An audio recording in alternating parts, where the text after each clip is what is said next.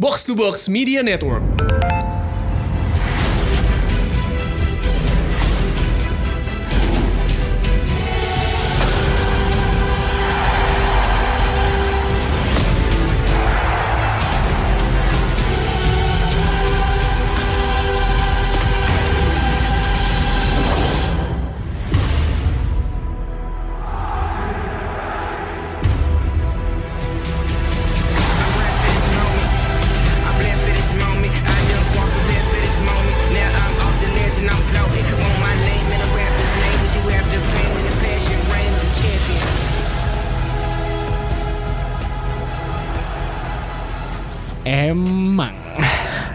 Tidak sama. Bukan, memang Oh, bukan bulu ya? jempol. Tapi emang kalau misalkan satu lagu di Paranoid pasti sangat terngiang-ngiang seperti yang tadi kita dengarkan di opening ya. Yoi. Sangat menarik sekali. Eh, selamat datang di eh, Box to Box original. Tapi seperti biasa eh, kita memanggil pemain pinjaman. Yoi. Sebelumnya lu jangan yoyo aja lu kan tamu di sini. Gak usah banyak ngomong, gue yang banyak ngomong sama Justin. Baik, baik, baik, Eh, baik. Jadi sebelumnya kan Justin dipinjam ya kan di loan ke Retropus dan umpan tarik. Dari kali ini kita meminjam satu orang dari Bekasi. Asik. Bekasi Barat ya? Yoi, Bekasi Barat. Dekat ini bukan apa namanya pembuangan sampah tuh? Bantar Gebang Jawa Barat itu. itu itu itu ke arah ke arah Febri itu. Febri ya, oke. Pantesan, pantesannya Febri multe bau. gue kalau dengar Be- Bekasi gue selalu mikir waduh gue harus bawa paspor nggak ya apa kabar coach? Gimana? aman terkendali Aman terkendali. Sehat. Eh, a quick question ini buat Coach Justin kemarin eh, sudah pada melihat channel YouTube apa tadi namanya juga Coach Justin Chan Sport Chan. Sport Chan Nah. ya kan? Itu kita kira marganya. Enggak gue kan kalau orang Jepang eh, Justin Chan ya Iya. kan? Gue pikir dia itu ternyata Atau Jackie Chan. Iya, iya. Gimana coach eh, midweek ini Liga Champions menurut lo satu kata yang menggambarkan Liga Champions di midweek ini? Em, satu kata eh, ya, agak kecewa sih sebenarnya Kecewa, berarti ya? ya, Kecewa ya. ya. Oke oke oke. tidak sesuai dengan harapan Tidak gue sudah harapan. Eh, Randi, satu kata yang menggambarkan eh, UCL midweek ini apa? Santai. Sudah. Karena Barcelona udah lolos dari minggu lalu. Oh, Barcelona bukan Liverpool ya? Kan Gua kalau- Barcelona. Eh, kalau kalau menang aja, kalau menang ya Barcelona. Kan kan harus juara grup Harus juara grup. makanya Iya, benar. kemarin full tim yang main Iya, benar benar benar. Ah, kita tanpa Pangeran Siaan karena dia sedang eh, meniti karir di dunia persilatan, dia sedang meniti karir di dunia ojek payung, lagi bisnis, lagi hujan musim hujan masalahnya. Jadi dia sering menyewakan payung-payung ke banyak orang. Jadi kali ini bersama saya Tio, Justin dan juga Randy. Dan pembahasan kita di pertama ini kita simpel saja, Liga Champions. Yoi. tidak terlalu banyak kejutan terjadi. Yang sudah terjadi terjadilah ya kan? Uh, beberapa tim yang memang sudah dipastikan lolos katakanlah Juventus Manchester United sudah dipastikan lolos. Jadi dua itu nggak usah dibahas karena yang perlu dibahas adalah menurut lo ok, apa uh, apa yang dilakukan Jose Mourinho di akhir pertandingan itu menggambarkan apa nih coach? Gue setuju sama Gary Lineker. Hmm. Oh dia nge-tweet ya dia dia, dia nge-tweet dia bilang gue nggak akan terima kalau pelatih gue kayak begitu. Gue gue akan marah dan gue sa- sangat setuju. Eh, mungkin ini menunjukkan betapa frustrasinya Mourinho dengan timnya sendiri ya lawan Young Boys gitu loh. Sampai menit-menit terakhir menit terakhir bahkan cetak gol dan itu pun kalau ada VAR bubar itu karena itu hands, hands dari Vela ini. It's all about football dan kita tahu apa pun yang terjadi dilakukan oleh maha yang maha kuasa, Yang maha benar tadi. yang maha benar Vela ini jadi mau tidak mau harus terjadi ya kan? Dan dan apa namanya emang MU setahu gue tiga dari empat match tiga match terakhir itu benar-benar golnya di detik terakhir. Emang tip- detik-detik terakhir. tipikal seperti itu di musim ini. Berarti itu passion bermain bola bagus apa emang enggak berarti itu aja? itu luck. Udah Wah. itu aja enggak kalau gue menyaksikan eh, Manchester United Ah, ya kan? the gue mau great. gue mau kayak eh, Rana gitu ngomong Amar Amar Paul Paul, ya kan? Manchester United ya kan? Eh, pertandingan itu ya di atas kertas statistik jauh lah tapi ada satu Iya, yang betul. yang menurut gue yang kalau itu nggak bisa diselamatkan sama David De Gea bubar tuh ya gue rasa Oh iya, gue- bubar iya, gue ingat, gue ingat. Eh, itu penyelamatannya emang dahsyat sih emang menurut gue one of the best save yang dilakukan sama De Gea sepanjang karir dia dan eh, kalau itu gol ceritanya bisa berubah 180 derajat benar gak Ran? Betul. Gua lihat sih yang main bagus kemarin tuh cuma De Gea ya. De Gea dan Fellaini udah nggak ada lagi Gue sisanya. pikir Tom Cleverley. Nggak, karena emang satu timnya MU menurut gua sih tidak eh, terinspirasi gitu sama Lu lu lu kalau kalau sebuah tim yang lu sebut man of the match adalah seorang kiper, kan something wrong with that team. Atau dia memang tim bertahan yang seperti yang Iya kan? minta Ja- sih. Jadi dia harus menyelamatkan dia dia mengandalkan segelintir peluang, justru kiper yang menjadi pahlawan yang yang yang menyelamatkan serangan yang bertubi-tubi. Tapi kalau lu menonton pertandingan itu, eh Man United memiliki banyak sekali kesempatan di depan gawang Ya. Young Boys. Tapi memang eh, penjelasan akhirnya emang titit kuda aja, ya kan? Dan itu itu uh, tipikal musim ini. Iya. Iya, iya. Dan ini mengingat- musim ini. mengingatkan gua ketika United sebelum membeli Robin van Persie. Benar. Yang kalah Iya. gol poinnya sama cuma beda selisih gol. Akhirnya dia beli Robin van Persie yang menjadi jawaban goal getter United di depan Kalau gawang. kalau gue tidak melihat menang kalahnya atau atau atau di menit terakhir atau apa ya, yang gue lihat bahwa tim sebesar MU dengan pemain-pemain yang cukup banyak yang hebat, pemain muda yang bagus, kenapa bermainnya seperti itu? Lebih ke Spartan, gak ada pola, asal nyerang, mengandalkan kiper, mengandalkan luck. Kemarin gua melihat mendengar uh, perbincangan si Gary Lineker, Rio Ferdinand, Paul Scholes sama Owen Hargreaves sih dia bilang ini Mourinho sudah mulai mengubah taktiknya untuk lebih bermain menyerang. Ya iyalah lawannya Young Boys. Jadi kita nggak usah bahas terlalu panjang. Juventus menang 1-0 lawan Valencia. Bayern Munchen yang di tengah dalam kerudungan masalah di uh, Bundesliga menang 5-1. Terus uh, ada Atletico Madrid menang 2-0. Iya. Ya udahlah ya. Ya udahlah ya. aneh. Yang paling menarik adalah Ajax akhirnya lolos coach ke babak selanjutnya. Setelah 13 tahun memang di dari awal pada saat drawing PSV udah selesai out sesuai dengan prediksi karena lawannya memang terlalu canggih ya. dari segala segi. Tapi dari awal gue udah bilang Ajax ini memiliki peluang dan yang tidak menyangka adalah dia mereka bisa bermain seri di di Munchen, seri di Benfica di kandang menang semua dan menang dia bahkan match terakhir lawan Munchen kalau mereka menang mereka jadi juara, Juara grup. grup. Harusnya. Ini ini adalah eh, apa namanya perkembangan sepak bola yang yang luar biasa terutama untuk se- sepak bola Belanda. Walaupun PSV tidak out tapi lu harus lihat mereka lawan Inter, Barca dan Spurs itu kalahnya 2-1 2-1 2-1. Oke. Kalau gue melihat bukan dibantai tapi lebih kalahnya pengalaman mental. PSV udah lama nggak main di Champions League kan. Dan ini butuh mental dan ini bisa dibilang dan gue setuju dengan apa yang eh, Mark van Bommel bilang. Apakah ini sia-sia? Tidak. Ini sama sekali nggak sia-sia. Kita belajar banyak dan semoga tahun depan mereka bisa eh, tampil lebih konsisten lagi. Iya dan ini seiring dengan berjalannya kebangkitannya timnas Belanda Hoop Holland Hoop, di Holland kancah mancanegara. Jadi ini sepertinya membawa angin segar ya coach Iya, ya. betul. Selain Ajax juga yang menarik ada PSV Eindhoven. Bener gak gue lafalnya bener gak? PSV Eindhoven. Eindhoven. Ya gitu tuh. Ada ada ada he- ada ho, ho. apa apa itu ngomil guna Nggak, PSV Eindhoven eh, dia bersatu grup sama Inter Barcelona dan Iya. Tottenham. Ini menurut gue grup EE sih Emang. Oh, ini gila sih. EE sih Emang semua juga prediksi bahwa mereka out ya ya ka- karena tadi yang gue bilang tiga kali kalah 2-1 is not bad lah. Ya Barcelona udah memastikan satu tiket ke babak selanjutnya yang di satu lagi diperebutkan adalah eh, Inter sama Spurs. Inter dan Spurs ya kan Eh, dua tim ini mau nggak mau harus berjibaku. Pertandingan terakhir Spurs itu melawan Barcelona ya. Ya. Ya. Inter melawan PSV.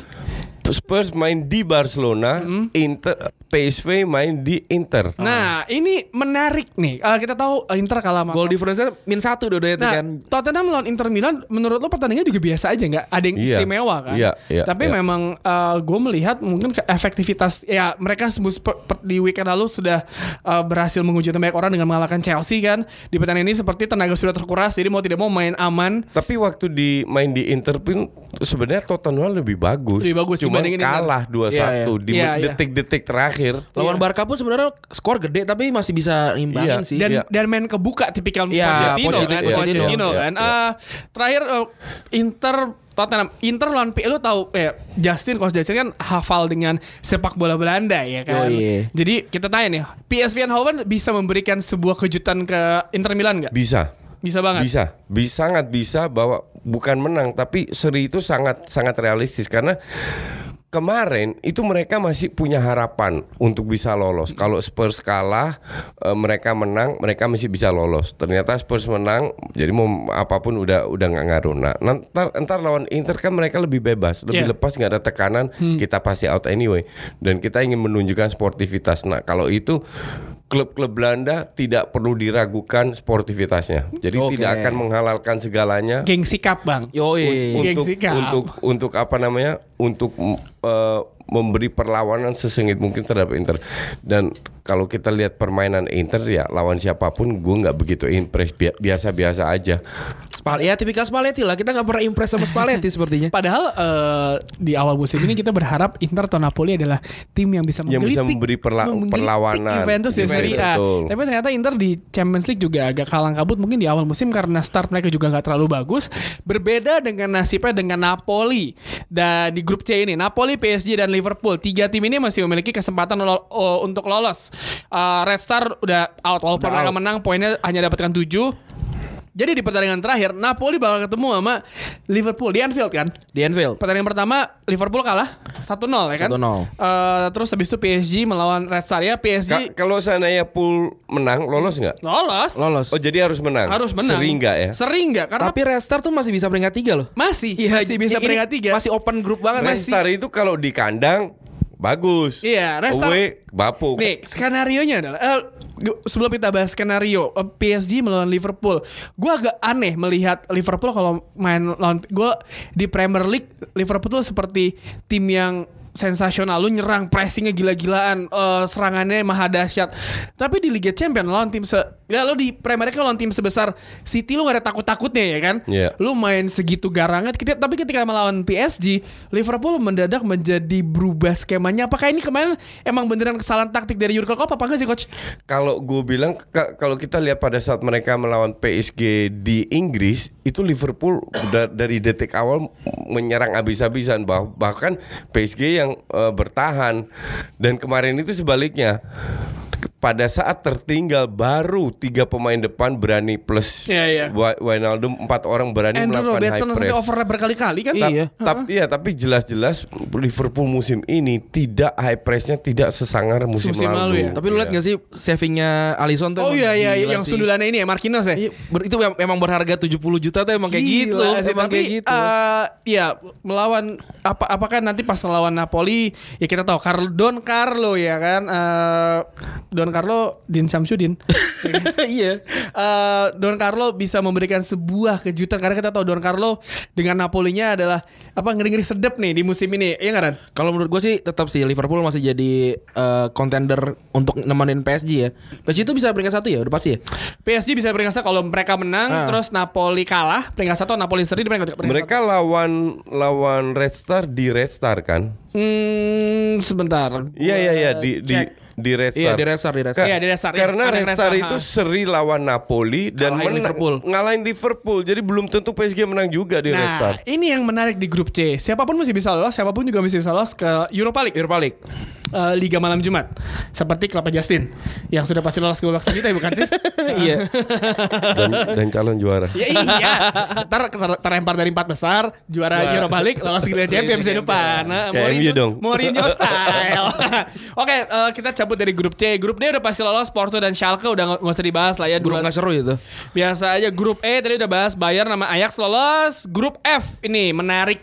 Eh Shakhtar masih bisa lolos. Eh, Lyon eh, imbang lawan City 2 sama, ya kan? Eh, City udah pasti lolos. City pasti lolos. City Ya. pasti lolos dan Lyon di perta- pertandingan pertama berhasil mengejutkan City dengan menang, ya Nah, kan? di kandang sih. Tapi setelah itu kenapa dia menjadi sampah seperti sekarang ya kan di Eropa Itu- nih? itu itulah tidak konsistennya Lyon tidak hanya di Eropa, di liganya pun demikian. Liga kalau peringkat 4 atau 3 ya. Hmm. Enggak, ya enggak nggak tinggi. nggak- nggak konsisten intinya cuma satu kalau gue lihat tidak konsisten dan bahkan Memphis Depay di liga berapa kali dicadangin pada saat dia masuk sebagai sub dia selalu menjadi orang yang penting Iya iya. iya. cetak gol terus makanya kalau kalau kemarin lihat matchnya ke kemarin bermain seri tapi mainnya bagus loh Lyon. Iya. Asli kemarin mainnya bagus banget tuh. Menghibur, semua. menghibur ya. ya, Iya, iya, iya. Dan- dan- dan- bahkan gue pikir mereka akan menang. Dan tipikal tipikal uh, tim City lah, uh, possession dan lain-lain melawan tim yang sama apa apa, bermain gak tertutup seperti itu melihat melihat pertandingan sangat menarik dilihat. Jadi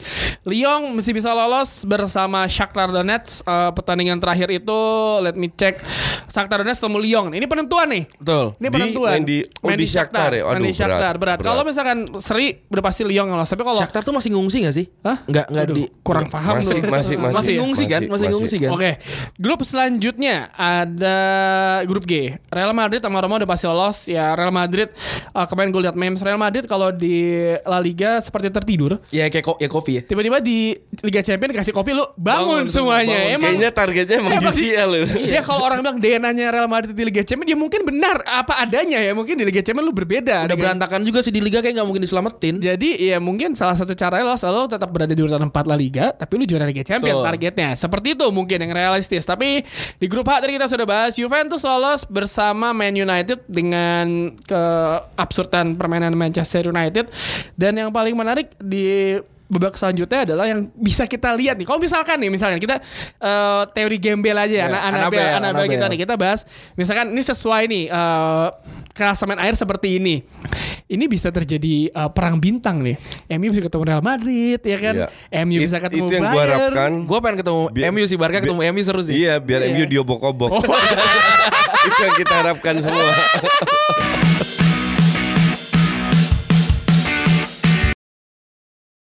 Bulan Desember selalu menjadi bulan yang sangat ditunggu-tunggu oleh para pecinta sepak bola bukan karena akan ada libur panjang Natal dan Tahun Baru tapi juga ada yang namanya Boxing Day di Premier League ya kan. Yoi. Dan ini menjadi salah satu hal ya tradisi yang menarik bagi kita semua karena setiap tim yang bisa lolos dari Desember dengan di Januari dengan eh, poin yang maksimal dan menarik, mereka dipastikan bisa bertahan di Premier League dan mungkin bisa menjadi juara karena waktu Leicester City juara, gue sempat bikin artikel kalau si Leicester City bisa bertahan seperti ini sampai bulan Februari, mereka udah pasti juara dan saat itu lawannya juga bapuk semua. Iya. Tapi kalau kita bahas si Leicester City, Leicester City bakal bertemu dengan Watford. Tim Ini ini menurut menurut gue momen-momen Liverpool kepleset nih. Nah, iya iya.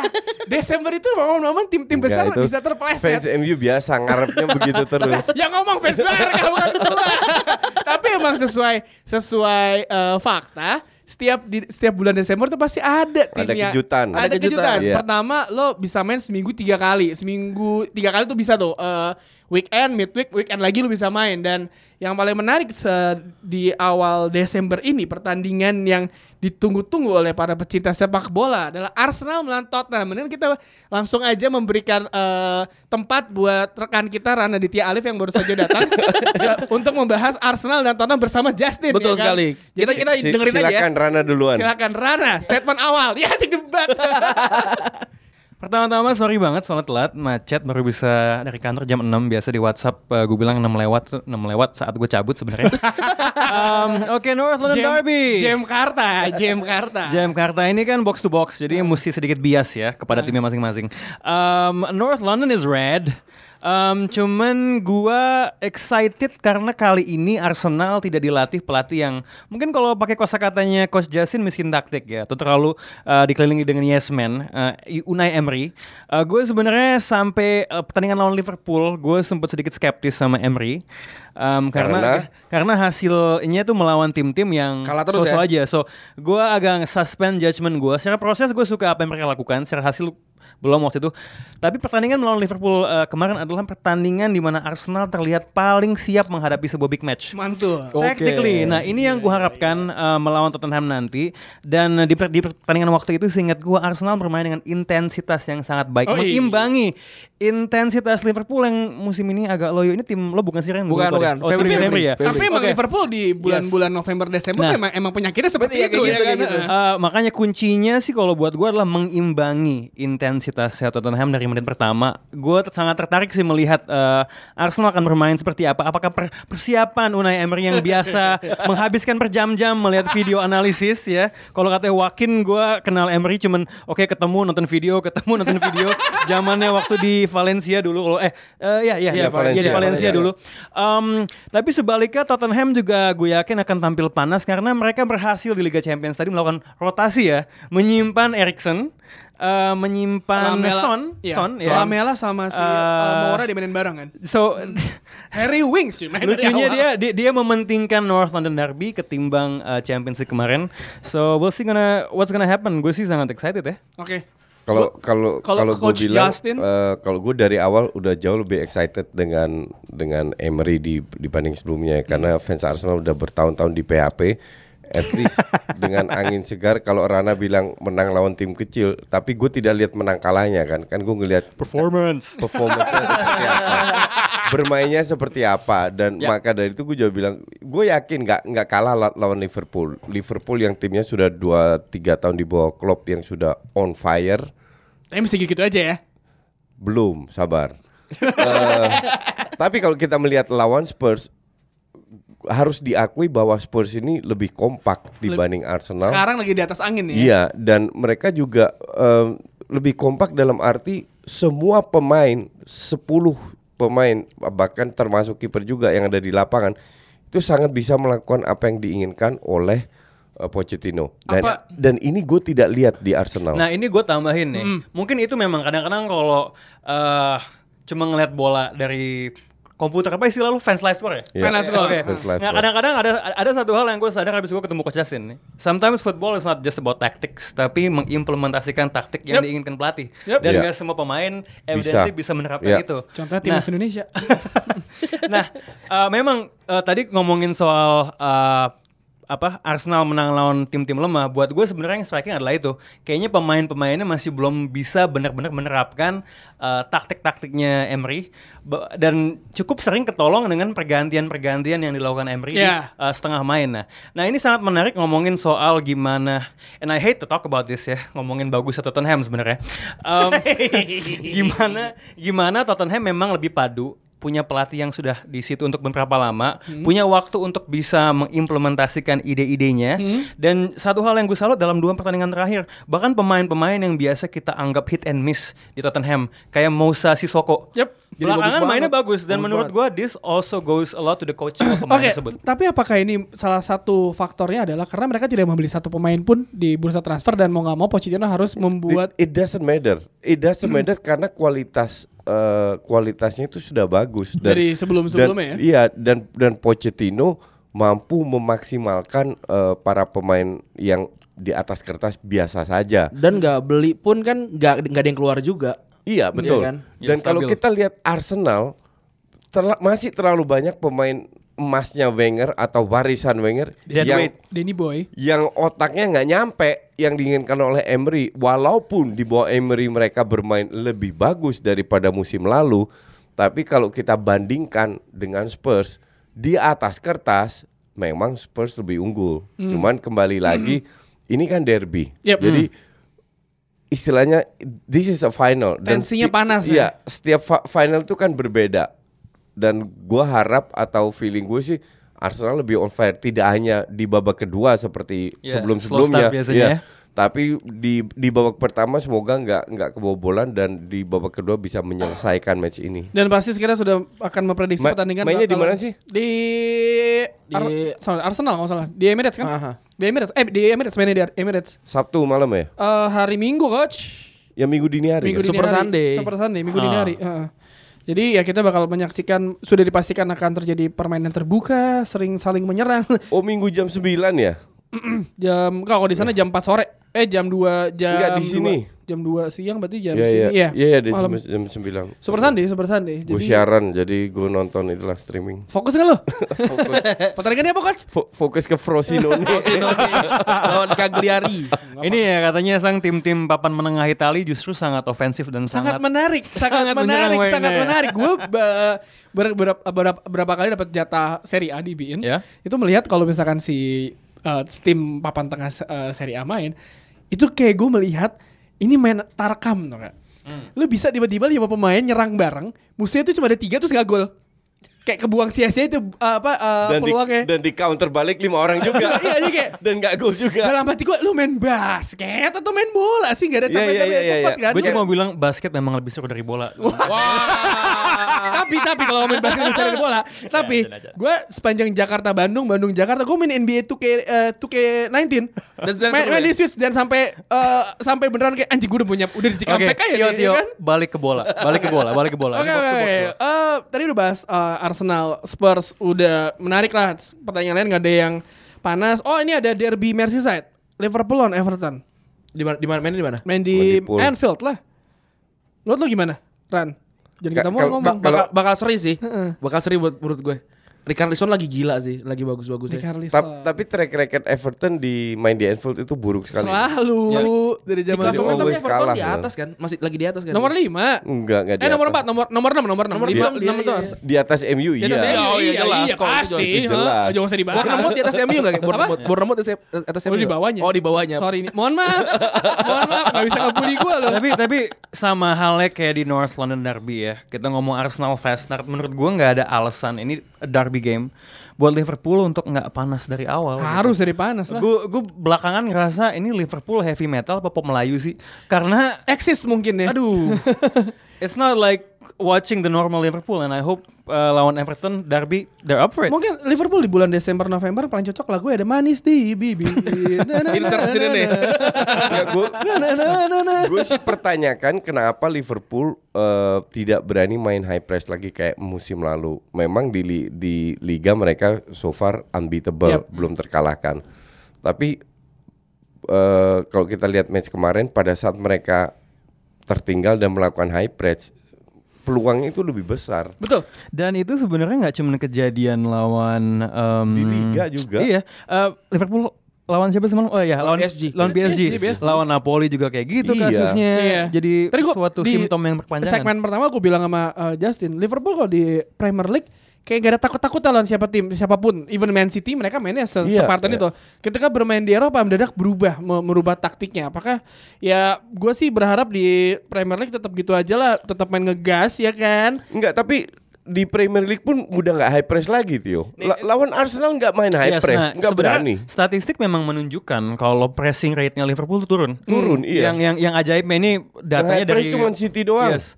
Ini dari pertengahan Ok- Ok- Oktober. Oktober ya, statistiknya itu pressing rate. Eh, waktu itu yang paling tinggi masih Chelsea, cuman gue rasa sekarang udah turun. Udah turun. Nah, Liverpool sih yang sebenarnya wow, ini beda banget ya dibandingkan musim-musim sebelumnya. Ya mungkin karena si apakah ini karena si Jurgen Klopp menyesuai- menyesuaikan dengan pemain yang dia miliki sekarang. Mungkin. Iya. Mungkin karena Nabi kan juga lagi masih cedera kan? Ya, Nabi Keita belum bisa kembali ke performa terbaiknya setelah kemarin cedera. Ah. Fabinho pun juga menjadi salah satu Masih on masalah masalah ya. tersendiri bagi Jurgen Klopp untuk memaksimalkan pemain ini di lini tengah.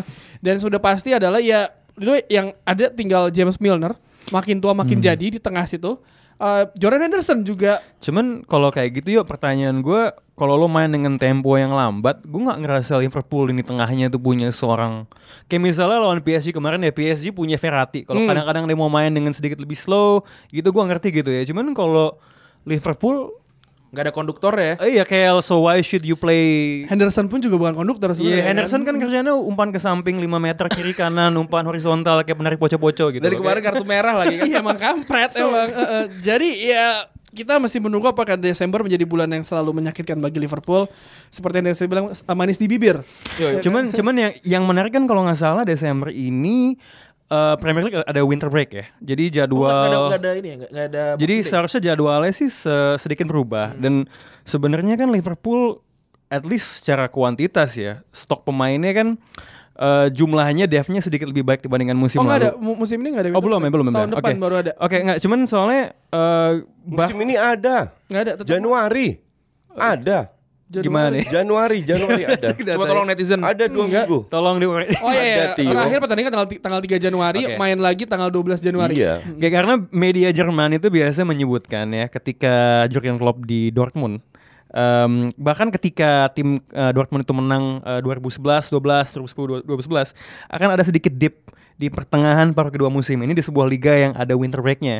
Sebenarnya asumsi gue adalah dengan depth-nya Liverpool yang lebih baik, setidaknya untuk memainkan gaya main dia over jumlah pertandingan Liga Inggris yang lebih padat seharusnya bisa gitu. Apakah Jurgen Klopp sedang sedikit terlalu hati-hati, sedikit terlalu overthinking dengan nggak main seperti biasanya? Maybe. Again, itu gue lagi nerka-nerka isi kepala pelatih sih. Iya, gak ada yang bisa memikirkan apa yang ada yang dipikirkan oleh Jurgen Klopp karena Iya. dia juga ya karena tadi gue bilang gue aja nggak tahu kenapa di Champions League dia mainnya agak sedikit aneh berbeda dari eh, yang dilakukan di Premier League. Walaupun yang tadi Tapi tadi itu- Justin dan Rana bilang pressingnya menurun kan. Itu sebenarnya sebuah hal yang klasik kadang-kadang ketakutan tim-tim Inggris Ya. karena kalau kita lihat sejarahnya tahun 90-an uh, Alex Ferguson pun biasanya di Liga Champions Berubah itu formasi sedikit ya? lebih hati-hati, sedikit lebih menumpuk lini tengah. Karena mungkin pada zaman itu tim-tim Inggris tuh taktiknya lebih naif dibandingkan Pick and rush aja. Iya, tim-tim Eropa makanya. Kayak oh, kita main 4-4-2 nyerang oh kecolongan semua gitu. Cuman nggak tahu sih, gue ngeliatnya Klopp tuh he has a, you know, mainnya cukup banyak sih seharusnya kayaknya nggak sehati-hati itu sih. Seharusnya ya. Eh, berbicara soal Premier League tadi sudah banyak banget kita bahas. Kita pindah ke eh, negara pizza Italiano, ya kan? Liga Liga kesayangannya Justin nih. Karena Justin siaran AC Milan lawan Parma, abis itu eh, Sassuolo ya coach. Eh, Frosinone. nggak tahu belum gue. Ya itulah dua itu. Jadi hipster banget tau gak sih tontonannya? Jangan sedih, gue juga kayak gitu dapetnya. gue lihat eh, klasemen eh, Serie A, gue lihat Parma itu poinnya sama persis sama Real Madrid. Jumlah menang kalah seri poin Oke, sama. eh, pertandingan hari Sabtu ada Fiorentina lawan Juventus di kandang Fiorentina. Menarik sih ini kalau Fiorentina bisa menahan eh, apa sih anaknya anaknya Chiesa, ya sama kan? siapa? Anaknya Federico. si Federico. Simo- oh ya, Simone apa? eh, Diego Anak Simone. Diego- Diego Simone. Ah. Ya menarik kita melihat siapa yang bisa menggelitik eh, Juventus di Serie A. Nggak usah dibahas Serie A karena kita udah tahu sebenarnya kalau kita bilang ya ini ina- liga inaugurasi buat Juventus lah buat mereka juara. Next ke La Liga. Wah ini hari Sabtu gue siaran apa pertandingan gue lupa? Eh, Leganes kalau nggak salah. Eh, Celta Vigo lawan Huesca Real Madrid lawan Valencia. Waduh, itu tim saling terluka tuh ya. Coach eh, menurut lo Real Madrid bisa bangkit gak sih dari keterpurukan mereka saat ini? Eh, kalau gue bilang bisa, kalau gue bilang bisa dan terakhir memang em, sebelum mereka kalah mereka kal- menang empat kali beruntun ya. Dan eh, kekalahan itu kan adalah sebuah pelajaran. Untuk pelatihnya juga, untuk pemainnya juga. Eh, kita tahu bahwa pemain mereka juga bisa bilang semua profesional. Selama ada sinergi antar pemain dan pelatih itu dan gue lihat itu ada, gue yakin Madrid bisa bangkit lagi. Ya Madrid itu tim yang you know talent. Yep. They're too good untuk kalah terus-terusan aja sih. Bahkan ketika ketika pelatih masih masih Zidane. Zidane pun kan juga taktiknya ya secukupnya. Cuman memang koleksi pemain itu asal punya taktik yang benar, main sesuai dengan kemampuannya, seharusnya sih bisa mengalahkan ya 80 90% lawannya. Terus lu punya pemain yang bisa memecah kebuntuan macam Cristiano Ronaldo, Ronaldo. musim lalu dan ini orangnya nggak ada ya kan. Kan tiba-tiba lu lagi buntu nih tiba-tiba doi lari dari belakang, tendangan dari luar kotak penalti terus Gol. masuk ya kan. Langsung gayanya langsung selebrasinya kayak tai gitu ya kan gaya khasnya dia. Benzema ngantuk, Bel ngantuk nggak peduli yang penting udah. Yang penting gol, udah penting menang, udah selesai ya kan. Itu. Terus ada Barcelona lawan Villarreal. Coach, ini Barcelona kita tahu lu sangat eh, Sangat apa? sangat sangat aktif di Twitter untuk eh, memprotes eh, formasi atau strategi yang Dari diterapkan Valverde. oleh Valverde. Ayo. Justin lawan Ernesto. Nah, ini Barcelona urutan 2 melawan Villarreal urutan 16, coach. Nggak ngaruh karena Vi- Villarreal tetap dari segala sisi salah satu Yellow klub besar yang yang yang bagus bahwa mereka sekarang la- lagi ngedrop ini mungkin bisa menjadi momentum untuk mereka untuk bangkit. Ada jagoan lu coach Ta- tapi- Santi. Tapi kalau gue bilang eh Villarreal sangat bisa memberi perlawanan eh, ke- kepada tim bapuknya Valverde ini. lu lu, lu kalau lihat kemarin itu juga murni karena Messi mereka bisa menang dan bahkan harusnya PSV itu minimal SW-nya seri bahkan menang. Dua kali kena tiang PSV dan PSV peluangnya banyak banget. Kalau ngelihat mereka turunkan full tim loh.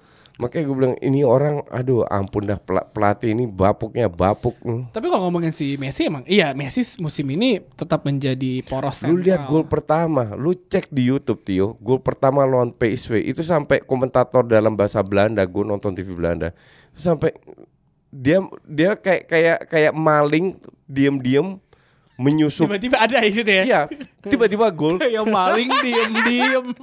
Kalau maling ngomong-ngomong gimana rampok? Ini Randy ini kepinteran nih. mal- maling diam-diam di tengah malam menyusupi dan dan mendapatkan apa yang dia dia inginkan. Itu benar-benar sampai semua pemain Kayak, bengong. iya, satu lap, satu stadion diem ya. Diam semua. Padahal padahal di awal musim gue inget banget uh, si Valverde bilang uh, eh gue lupa yang ngomong sih tapi Barcelona harus menghilangkan ketergantungannya kepada Messi karena Messi di awal musim cedera panjang kan dan ternyata ya balik lagi senjata Langsung golin dua loh. senjatanya ya Messi Messi lagi Messi jadi Messi lagi, betul. Iya sih, kalau ngeliat Messi itu mungkin yang yang yang agak gini loh. Kalau lo liat Ronaldo, dia kan kayak puncak, oke manusia sempurna nih ya, dan terus. Sedangkan kalau ngeliat Messi itu kayak anjing ya nih orang dengan fisik kayak gini seharusnya nggak bisa melakukan hal-hal yang disebut Iya. kayak maling sama komentator Belanda tadi gitu. I mean itu satu hal gitu. Gue masih belum bisa move on dari uh, touch-nya entah disengaja atau nggak Iya. nggak sengaja yang ngolongin uh, Felipe Luis tanpa Hmm. melihatnya gitu. Cuman kalau ngomongin Messi gue rasa superlatif yang bisa kita keluarkan nggak akan ada selesainya gitu. Uh, siapa komentator Be in USA itu Ray Hudson tuh selalu punya kosakata yang aneh untuk menggambarkan Messi lah uh, sentuhannya kayak Archimedes whatever lah gitu. Cuman uh, satu hal satu anekdot yang gue suka tentang Messi ya itu dari Graham Sunes uh, bekas uh, Galatasaray. Uh, ya Galatasaray ya sangat dicintai sih sama fans Galatasaray ya. Um, Bendera. ya up di tengah lapangan. Um, dia bilang Messi itu di gue nggak tahu padanan bahasa Indonesianya apa ya deselerasinya paling cepat dibandingkan semua pemain yang ada. Jadi kan kalau ak- akselerasi kan 0 sampai 100 kan. Deakselerasi itu 100 sampai 0. Jadi dia dalam kata lain dia berhenti Oh, ngeremnya. ngerem ngeremnya. lebih cepat dari siapa pun di dunia. Itulah yang bikin pemain-pemain lawannya itu sangat susah untuk nggak jatuh ketika jagain dia case in point Boateng lah ya ya gitu. ya ya, ya. Iya, benar. mungkin dia nggak ngelakuin 1001 step over kayak uh, Ronaldo. Cristiano Kenani deh. Kenani. But what he does, he does it better than anybody else on the planet. He does- Walaupun bentukan fisiknya kayak gitu. He dis- uh, dia melakukan simple football Benar. Hmm. Lu bawa bola, lari, gocek, masuk Messi Messi Messi karena Messi Messi Messi Messi Messi Messi karena Messi Messi Messi Messi Messi Messi. Segampang itu sih nyata gol. Jadi ya Lu tahu lu tahu ceritanya Thierry Henry gak sih? Yang sang babuk buat jadi pelatih itu. Enggak, enggak. Dia, dia, dia tuh pernah, pernah, pernah bilang waktu waktu jadi pandit gitu. Messi tuh kalau latihan kerjaannya dribble ngelewatin semua pemain Barcelona apa main seven aside, five aside di mana ya ya ada Marquez, ada Puyol, itu. ada Yaya Toure yang masih jadi gelandang bertahan, dilewatin dari depan ke belakang berulang kali. Dan ya dia bentukannya kecil, so he's doing stuff yang ah itu mah is nuts. apalan apalan. Ya. enggak, enggak intinya adalah ka- kalau lu apa namanya lihat Messi di zaman Pep tetap spesial juga Ya. Ba- bahwa lu sebagai pelatih punya pemain seperti ini lu harus ma- memanfaatkan semaksimal eh, mungkin itu gue setuju tapi jangan terlalu tergantung dan Yap. ini yang dilakukan ini yang gue selalu kritik Valverde dia terlalu tergantung oleh Messi pada saat Messi lagi malas-malesan nah selesai nggak ada tidak ada suara apalagi kemarin Suarez nggak main kan Ya. padahal lu punya banyak pemain bagus loh Dembele lah, Coutinho. Malcolm, lah Malcolm. Oh dan dan Dembele sejauh ini rekornya di pertandingan besar bagus ya. Iya. Bikin gol lah. Bikin gol Iya. terus. Big man player. 100 something kemarin juta pun gitu. juga bagus mainnya 7 poin dia yang decide tuh di uh, liga kan. That's why somehow gue gue pengen pengen juga Barca tiga kali kalah beruntun biar, Jangan dong. biar dipecat gitu loh. Enggak, gue tahu kenapa Jasin pengen Ba- Barca kalah tiga kali beruntun. Biar Sergio Busquets juga dijual. Kagak ada yang mau, gratis aja nggak mau.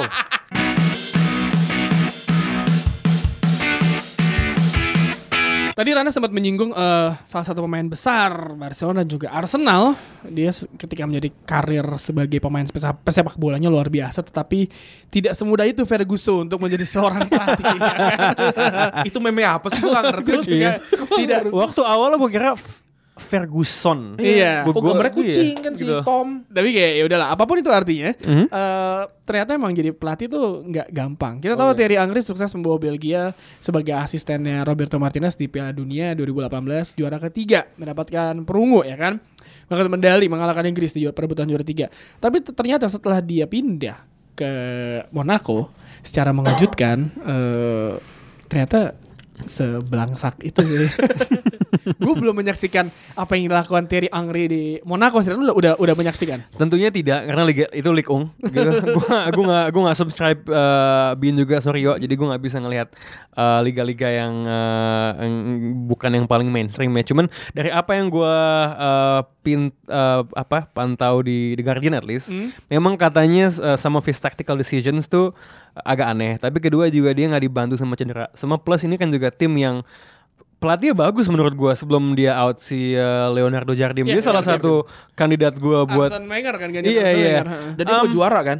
Mungkin eh, tapi di di sisi yang sama mungkin juga even if let's say dia kalah terus and then dia balik ke Sky Sports kayak Gary Neville bukan Yeah. kasus yang pertama.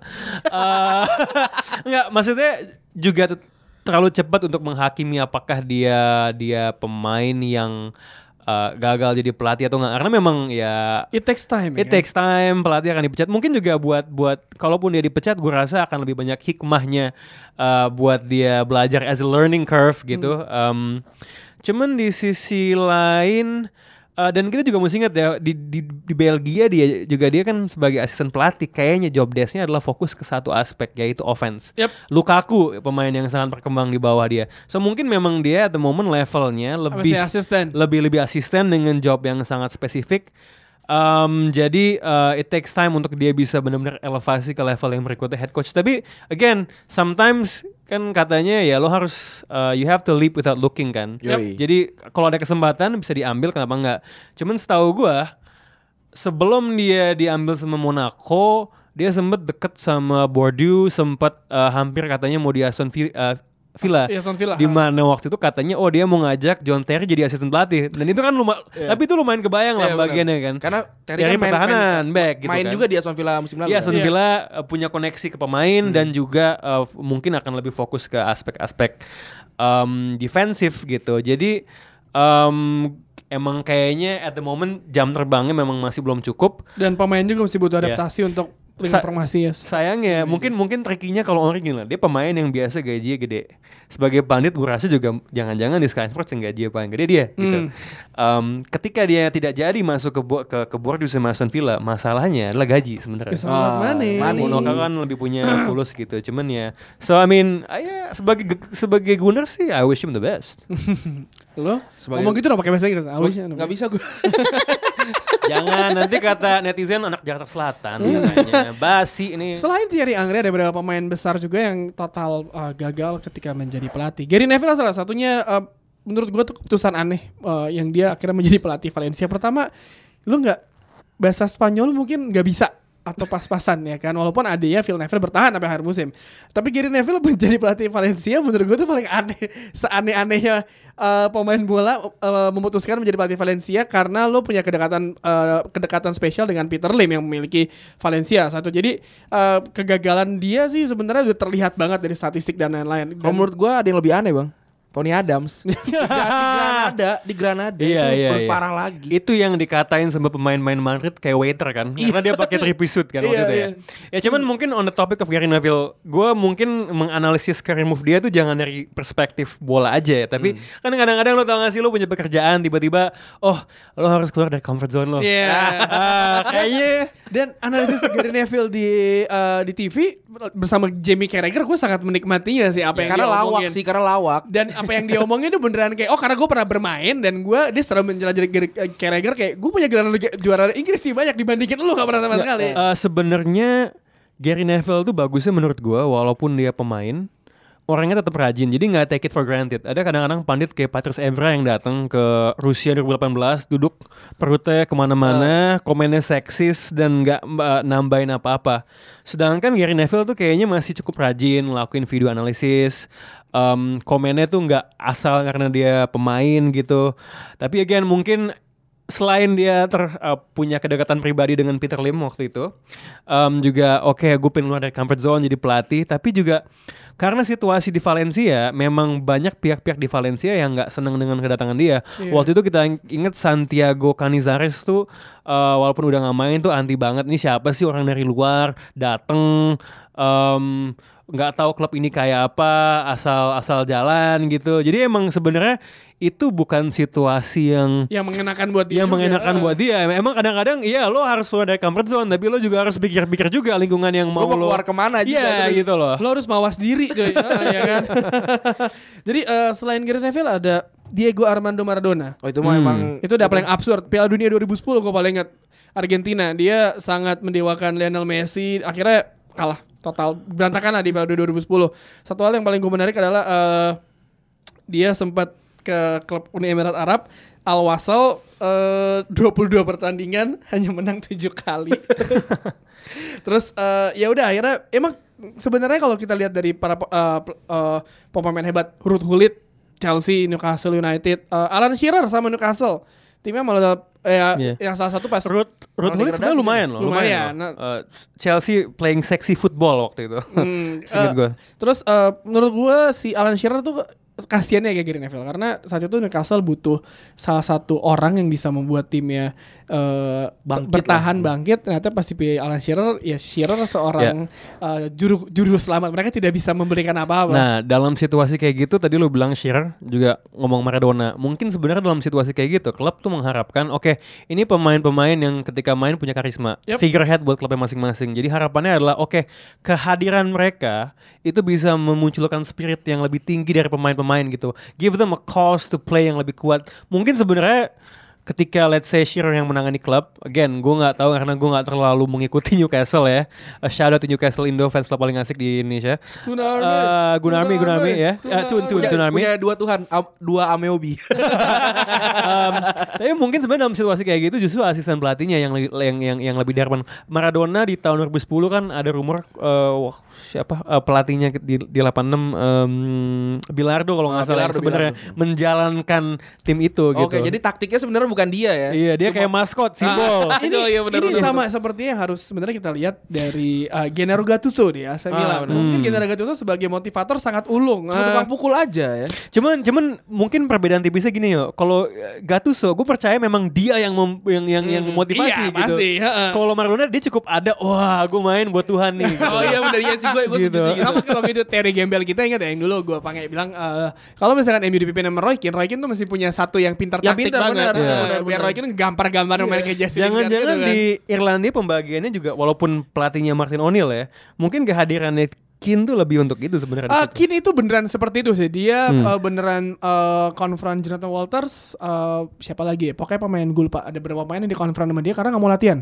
Oh lagi main handphone kan digeplak. Ditai-taiin katanya. Lo cedera bohongan lo ya. Wah dimarah-marahin. Eh, berantem coy sama Roy Keane. Maksud gue Ya emang tipikal Roy Keane seperti itu kan. Eh, sekarang kita nggak melihat pemain yang kayak Roy Keane versus Patrick Vieira ada ya, di tahun nggak ada. 90-an 2000-an berantem berantem di lapangan. Jadi pemain sepak bola menjadi pelatih hebat tuh eh, Pep Guardiola berhasil. Ya sebenarnya kuncinya kalau gue lihat adalah um, Again sayangnya pelatih beneran kita udah mesti cabut duluan Iya ya. Dia, sih, dia bisa te- bisa testify soalnya tapi it's about not taking it for granted sih.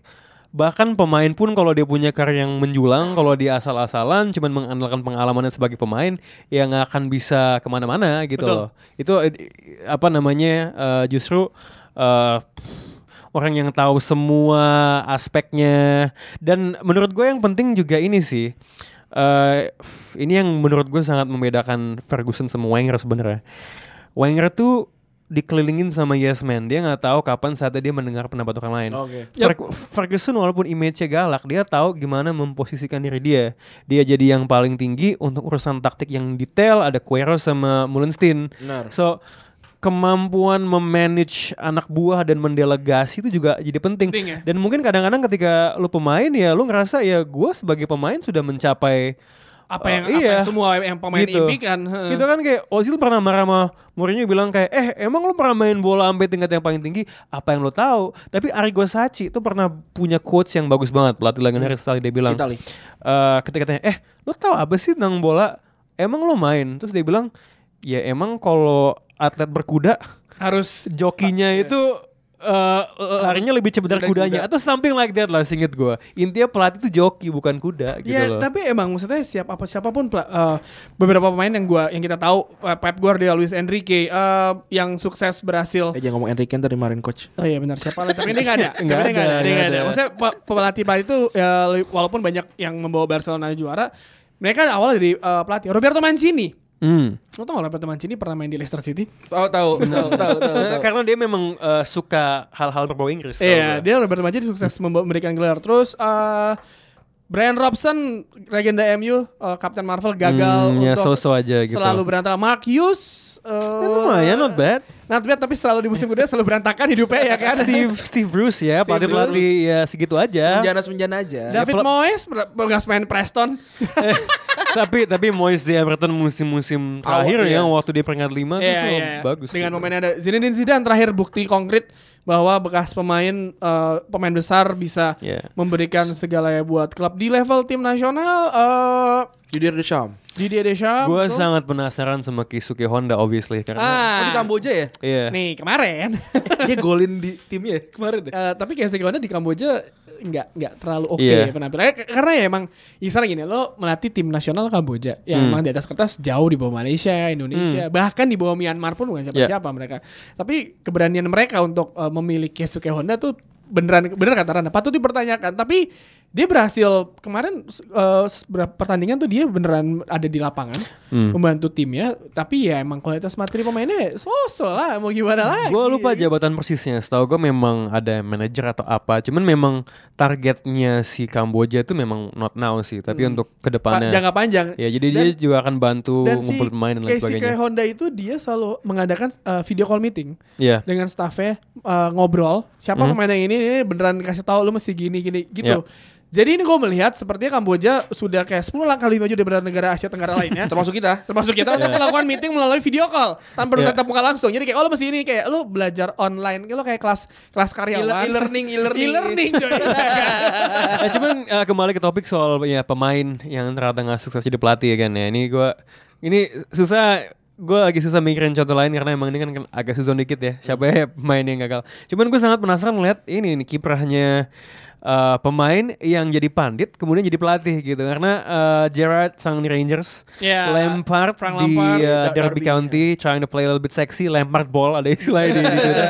Walaupun kayaknya belum bisa di ya, apa namanya dibandingin sama Bielsa. So, Walaupun op- open apa pertandingan pertama mereka sukses menang ya. Yes, Iya. dramatis waktu itu. Dramatis lagi. Iya, iya, iya. Eh, Steven Gerrard di Rangers not bad. Hmm. Karena lawannya Brendan Rodgers kan.